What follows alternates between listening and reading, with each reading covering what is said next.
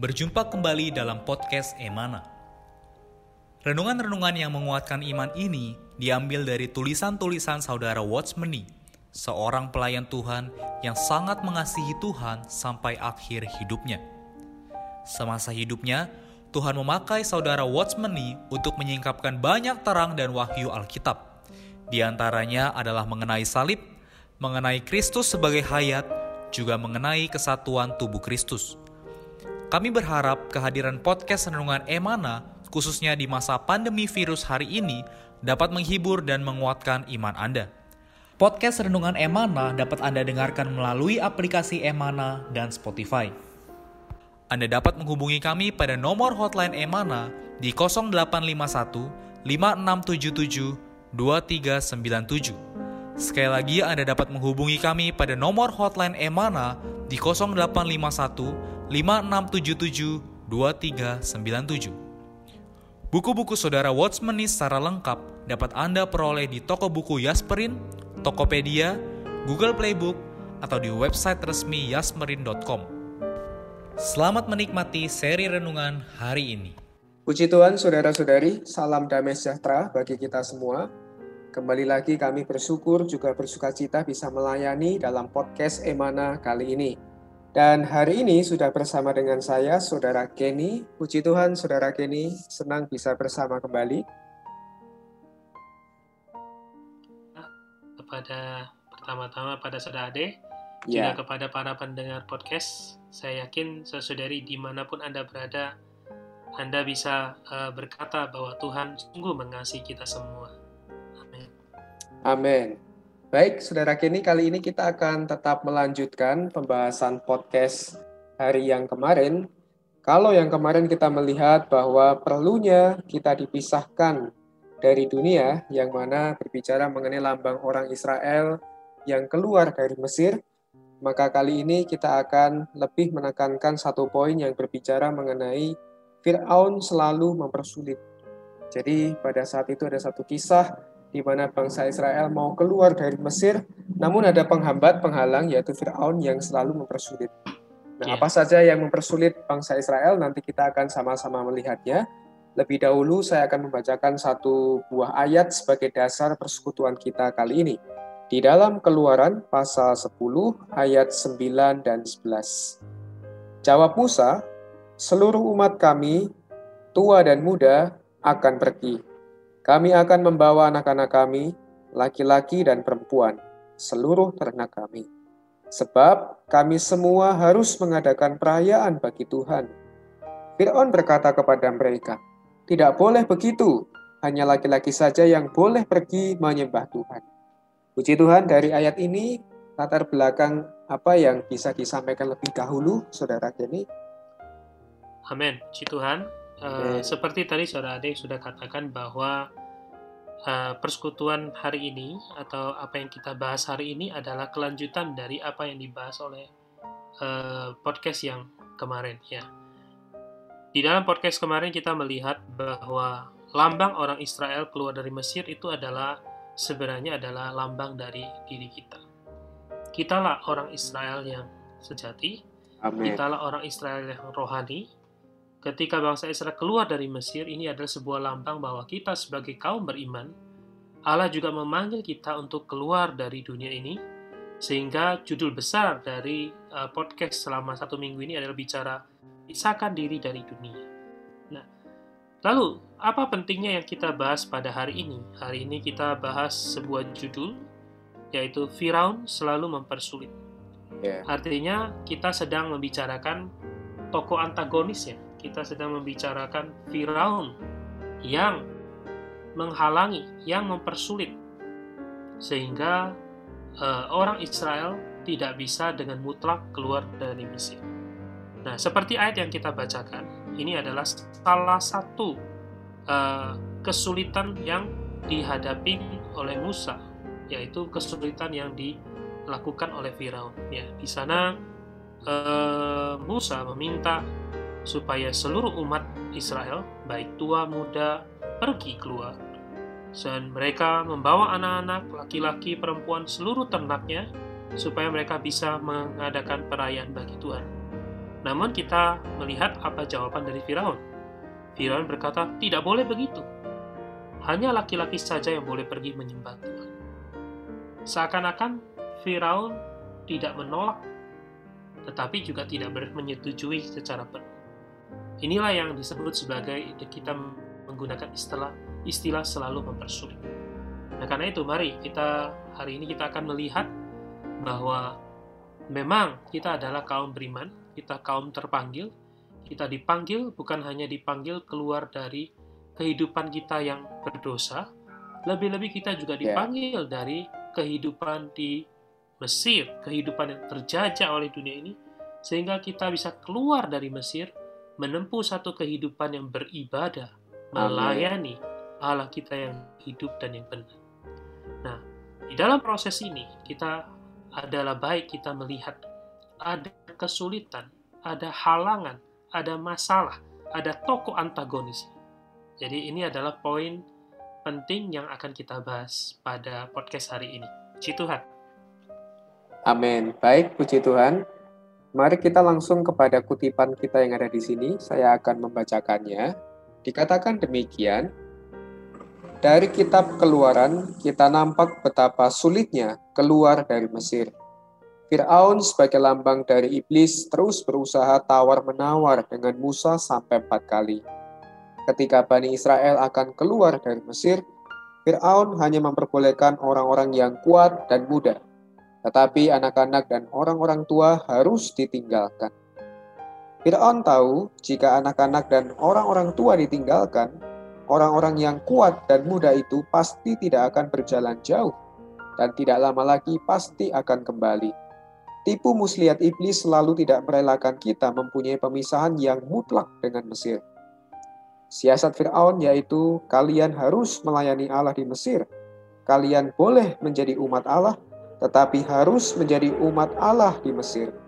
Ia tahu bila seseorang melayani Allah di Mesir, orang ini pasti tidak ada kesaksiannya ia tahu jika seseorang melayani Allah di Mesir, orang ini pasti akan melayani Firaun juga, menjadi hamba iblis.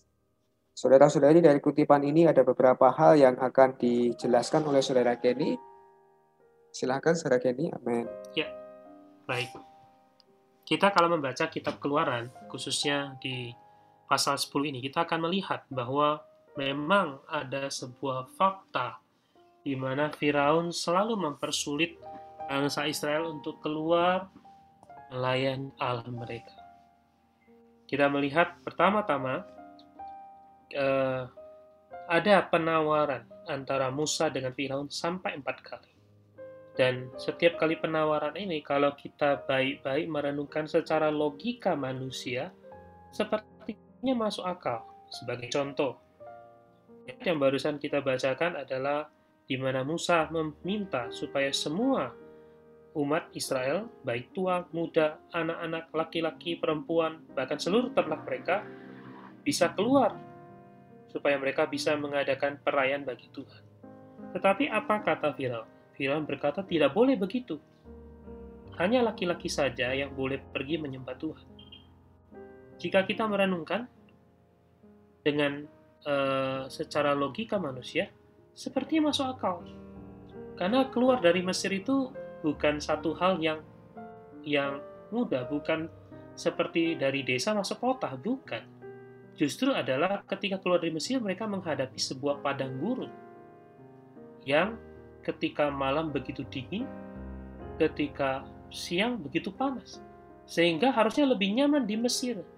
Maka adalah masuk akal kalau Firaun berkata, jangan keluar semua, biarkan yeah. yang lemah yang anak-anak, orang tua tinggal. Karena kalau mereka keluar itu akan bahaya. Ya, betul nggak saudara adik? Ini sangat masuk akal. Ya. Nah. Tapi sesaudari, teman-teman, uh, para pendengar podcast, kita harus sadar, firman Tuhan adalah ya dan amin. Amin. Ketika Allah memanggil kita keluar, maka Allah hanya meminta satu kata, keluar. Kita harus tahu segala hal yang mengkorting segala perkataan yang sepertinya masuk akal. Tetapi kalau sudah mengkorting firman Tuhan, kita harus tahu itu Firaun yang mempersulit. Ya. Bahkan saya sering mendengar uh, orang Kristen jangan boleh mengasihi Tuhan jangan ekstrim. Ini sama seperti apa?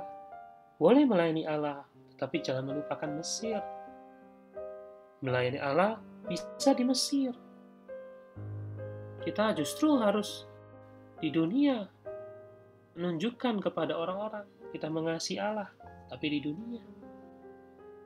Ini seakan-akan masuk akal. Tetapi sudah melupakan firman Tuhan yang berkata, hendaklah kamu jangan menjadi serupa dengan dunia ini. Karena itu, maka kita hari ini harus mengenal satu prinsip, bahwa iblis, yaitu yang dilambangkan oleh Firaun, dia sangat tidak menghendaki umat Israel keluar. Yeah. Tetapi ketika umat Israel menerima panggilan Allah, maka Firaun akan mengubah strateginya. Dia tidak akan menghalangi 100%, tapi dia akan memberikan bantahan yang masuk akal. Yeah. Sehingga memainkan hati kita untuk mengkorting panggilan Allah.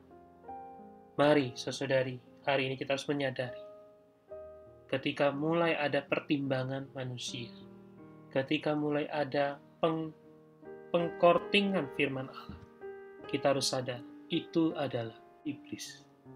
Yeah. Itu adalah Firaun yang mempersulit. Kalau kita mau ikut Tuhan, kita harus ikut Tuhan dengan mutlak. Amin. Oh, bahkan Tuhan Yesus berkata kepada Petrus, kalau kamu mau mengikut aku, kamu harus menyangkal dirimu mengikut aku. Artinya tidak ada pertimbangan yang lain. Hanya ikut Tuhan saja. Maka dengan cara demikian, kita baru layak disebut sebagai umat Allah. Amin. Ya, benar, Sosari. Dari apa yang Saudara Kenny sampaikan ya, kita melihat satu prinsip bahwa pada hari Tuhan memanggil kita, pada hari Tuhan ingin kita dipisahkan dari dunia, maka kita perlu benar-benar terpisah secara mutlak ya surat ini ya. Ya. Tidak boleh ada penghalang apa pun yang menghalangi kita untuk terpisah dari dunia dan mutlak untuk mengasihi Tuhan. Seperti yang kita lihat Fir'aun lambangkan iblis yang menggunakan berbagai hal yang licik, yang tricky ya, kelihatannya masuk akal, tetapi itu menghalangi kita untuk mutlak terpisah dari dunia dan mengasihi Allah. Semoga saudara-saudari firman malam ini menerangi kita, memberikan satu dorongan yang kuat bagi kita ada satu kemutlakan di dalam mengikuti Tuhan dan memisahkan diri dari dunia. Baik, setelah ini kita akan juga melihat ada satu perkara yang kadangkala juga menghalangi kita ya untuk bisa mutlak, yaitu mengenai perkara harta. Nanti akan dijelaskan lebih detail, saya akan bacakan dulu kutipan yang ada di sini, dikatakan demikian. Matius pasal 6 ayat 21 berkata, Di mana hartamu berada, di situ juga hatimu berada harta selalu bersatu dengan manusia. Karena itulah tawaran terakhir Fir'aun adalah menyuruh umat Israel meninggalkan lembu dan domba mereka. Ia mengetahui kalau lembu dan domba ditinggalkan di sini, maka orang Israel tidak dapat berjalan jauh. Tidak lama kemudian mereka pasti balik dan berjalan mengikuti lembu dan domba. Allah menghendaki kita beroleh selamat dalam hal harta benda. Amen. Ya, kalau kita membaca, merenungkan, ya memang ini adalah strategi dari iblis. Pertama-tama dia akan memberikan bantahan, alasan yang masuk akal, sehingga kita merasa, oh kita harus mengasihi Tuhan, tetapi jangan ekstrim. Kita mengasihi Tuhan masih bisa di dunia ini. Kita mengasihi Tuhan tapi kita juga jangan jangan terlalu mutlak-mutlak. Harus ingat, kita masih ada seseorang yang kita kasihi. Mungkin adalah dosa kita, hobi kita yang berdosa, yang kita masih tidak mau meninggalkan. Sehingga kita mau melayani Tuhan, tapi kita masih mencintai dunia ini. Nah, tetapi kalau kita bisa melampaui hal itu, maka iblis akan memakai strategi yang selanjutnya yaitu seperti yang Firaun katakan, bahwa anak-anak, tua, muda, semua boleh pergi. Tetapi harta harus ditinggalkan. Kenapa? Karena iblis tahu. Ya, iblis juga mengerti akan firman Tuhan. Di mana Matius pasal 21 dikatakan, di mana hartamu berada, di situ juga hatimu berada. Oh, sesaudari yang terkasih. Kita dicobai perkara harta. Itu bukan hanya kita saja. Ketika Tuhan Yesus dicobai, Tuhan juga dicobai dengan apa? Dengan kekayaan gemerlap dunia ini. Jadi hari ini kita tahu kalau kita mau bertuhan, pertama kita harus bisa menanggalkan. Ya kita harus bisa menanggalkan semua hal-hal yang masuk akal. Tetapi sebenarnya itu bukanlah firman Allah. Kedua adalah kita harus menang dari perkara harta. Kita harus membawa harta kita untuk melayani Allah. Ya. ketika dikatakan tinggalkan hartamu artinya kita terhadap Tuhan kita masih hitung-hitungan. Oh Tuhan buat Tuhan hanya berapa persen sajalah sekian ini masih bisa buat saya nikmati di dunia. Meninggalkan harta di Mesir itu artinya, oh saya masih memakai harta saya untuk kenikmatan dunia ini. Hari ini, banyak orang Kristen berkata, di masa pandemi ini, kita harus simpen buat buat kepentingan kita, buat diri kita.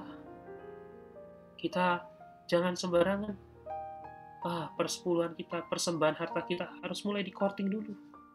Karena kita perlu jaga-jaga buat diri kita. Ini sebenarnya masuk akal bukan, saudara Masuk akal. Tetapi itu ya, bukan firman Allah. Firman Allah justru berkata kita perlu oh meletakkan harta kita di mana? Di atas diri Allah. Kenapa? Karena Tuhan tahu di mana hartamu berada, di situ hatimu berada. Yeah. Ya, karena itu kalau kita mau hati kita mengasihi Allah, kita mau hati kita ada di atas diri Allah, kita mau hati kita ada di dalam kepentingan Allah, maka pertama-tama kita harus taruh harta kita bagi kepentingan Allah. Amin. Dengan cara demikian, oh kita pasti bisa menjadi umat Allah yang keluar, melayani Allah kita, menyembah Allah kita. Puji Tuhan. Amin. Saudara-saudari tentu kita percaya ya bahwa harta ini adalah satu hal yang besar yang kadang-kala menghambat orang Kristen untuk apa ya mengasihi Tuhan ya. Eh, kadang-kadang ya sulit untuk merelakan hartanya untuk Tuhan. Namun tadi saudara ini menyampaikan bahwa apabila kita mau mempunyai hati untuk Tuhan dan ingin ada hati untuk Tuhan, maka kita perlu juga mempersembahkan harta kita bagi kepentingan Tuhan. Amin. Baik, saudara-saudari, saya akan membacakan kutipan yang terakhir. Setelah itu, saya akhirnya akan kembali memberikan ulasannya sekaligus menyimpulkan podcast kita pada kali ini. Dikatakan demikian, sebab itu begitu Anda beroleh selamat, Anda harus keluar, harus pergi ke padang gurun dan membawa semua orang dan semua harta benda. Kalau tidak demikian, Anda pasti akan tetap tinggal di Mesir dan tidak terpisah dari Mesir. Perintah Allah, orang yang melayaninya harus memisahkan diri dari dunia. Amen. Jadi ini adalah sebenarnya adalah satu kesimpulan.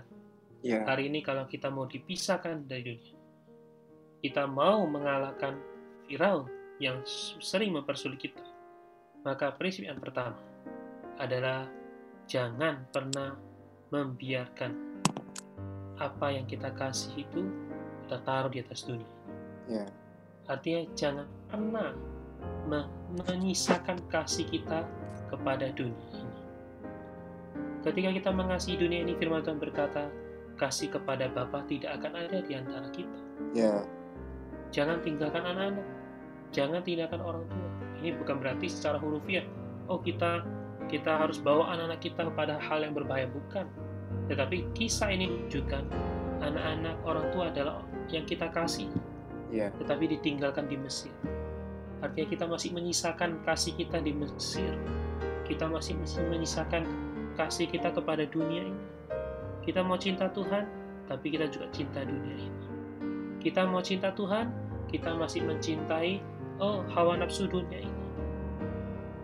Kita mencintai firman Tuhan, tapi kita juga masih mencintai hal-hal yang lain. Kita mungkin menyukai filsafat, kebudayaan, bahkan mungkin kita menyukai apa yang bukan firman Allah. Oh, mari kita sama-sama bangkit. Kita mau mengasihi Tuhan kita, taruhlah kasih kita 100% kepada Tuhan. Itu yang pertama. Yang kedua adalah apa? Kita tahu hati kita untuk Tuhan mau mutlak. Harta kita juga tidak boleh ketinggalan. Karena ada sebuah prinsip yang Tuhan telah beritahukan pada kita. Di mana hartamu berada, di situ hatimu berada. Arti marilah kita mengasihi Tuhan Amen. dengan segenap hati, dengan segenap jiwa, dengan segenap akal budi, bahkan juga harus mengasihi Tuhan dengan menaruh harta kita di tempat yang tepat. Amin. Tuhan, inilah jalan bagaimana kita memisahkan diri dari dunia. Amin. Kalau dua hal ini kita taruh di atas diri Allah, iblis, Firaun, tidak ada pertumpuan untuk mempersulit kita lagi. Di Tuhan, semoga ini menjadi satu perkataan kesimpulan Amen. yang membawa kita kepada satu oh tindakan kepada satu perpalingan kepada satu permulaan yang baru. Nasi Tuhan kita melayani Tuhan kita. Amin. Amin. Baik, untuk mengakhiri podcast kali ini, mari di dalam kasih saudara Kenny kita berdoa. Amin. Mari kita berdoa. Tuhan Yesus kami mengucap syukur atas firman Tuhan, Engkaulah yang pertama kali mengasihi kami. Engkau mengasihi kami, bahkan Amin. mengasihi dengan mutlak. Ya. Kau mengasihi kami sampai mengorbankan diri. Amin. Tuhan, oh Tuhan Yesus, Biarlah Tuhan kami adalah orang-orang yang telah menerima kasih Ya. orang-orang yang telah mengecap kasih-Mu ini, bahkan orang-orang yang telah dipanggil oleh Dikau. Kami mau menjadi orang yang menjawab panggilan Tuhan. Tuhan kami juga mau menjadi orang yang mengasihi Tuhan, tidak dengan separuh hati, Amin. tidak dengan setengah hati, bahkan tidak dengan tiga perempat hati kami. Kami mau mengasihi Tuhan dengan sepenuh hati. Amin. Tuhan Yesus, karena kami tahu Tuhan, jika kami menaruh sedikit saja kasih kami pada dunia ini, maka kasih kami akan kepada Dikau akan menjadi luntur. Ya. Karena itu Tuhan, sekali lagi kami berdoa, pulihkanlah kasih kami yang semula. Biarlah kami mengasihi Dikau dengan segenap hati kami, segenap jiwa kami, segenap akal budi kami. Bahkan kami juga mau mengasihi Tuhan dengan mempersembahkan harta kami. Amin. Tuhan, kiranya Engkau berkati setiap saudari kami, semua para pendengar podcast. Biarlah Tuhan ini menjadi seruan yang membawa kami bangkit. Di masa pandemi ini, kami justru makin mengasihi Tuhan. Menaruh harta kita, harta kami kepada Tuhan dan bagi Amin. kepentingan Tuhan. Dan kami berdoa, kami serahkan di dalam namamu. Tuhan Allah kami yang hidup, Amin. Allah kami yang benar. Amin. Amin. Baik, puji Tuhan. Terima kasih banyak, Saudara Kenny. Tuhan Yesus memberkati. Sekian podcast Renungan Emana hari ini. Kami akan kembali pada seri berikutnya. Anugerah dari Tuhan Yesus Kristus dan kasih Allah dan persekutuan Roh Kudus menyertai kita semua.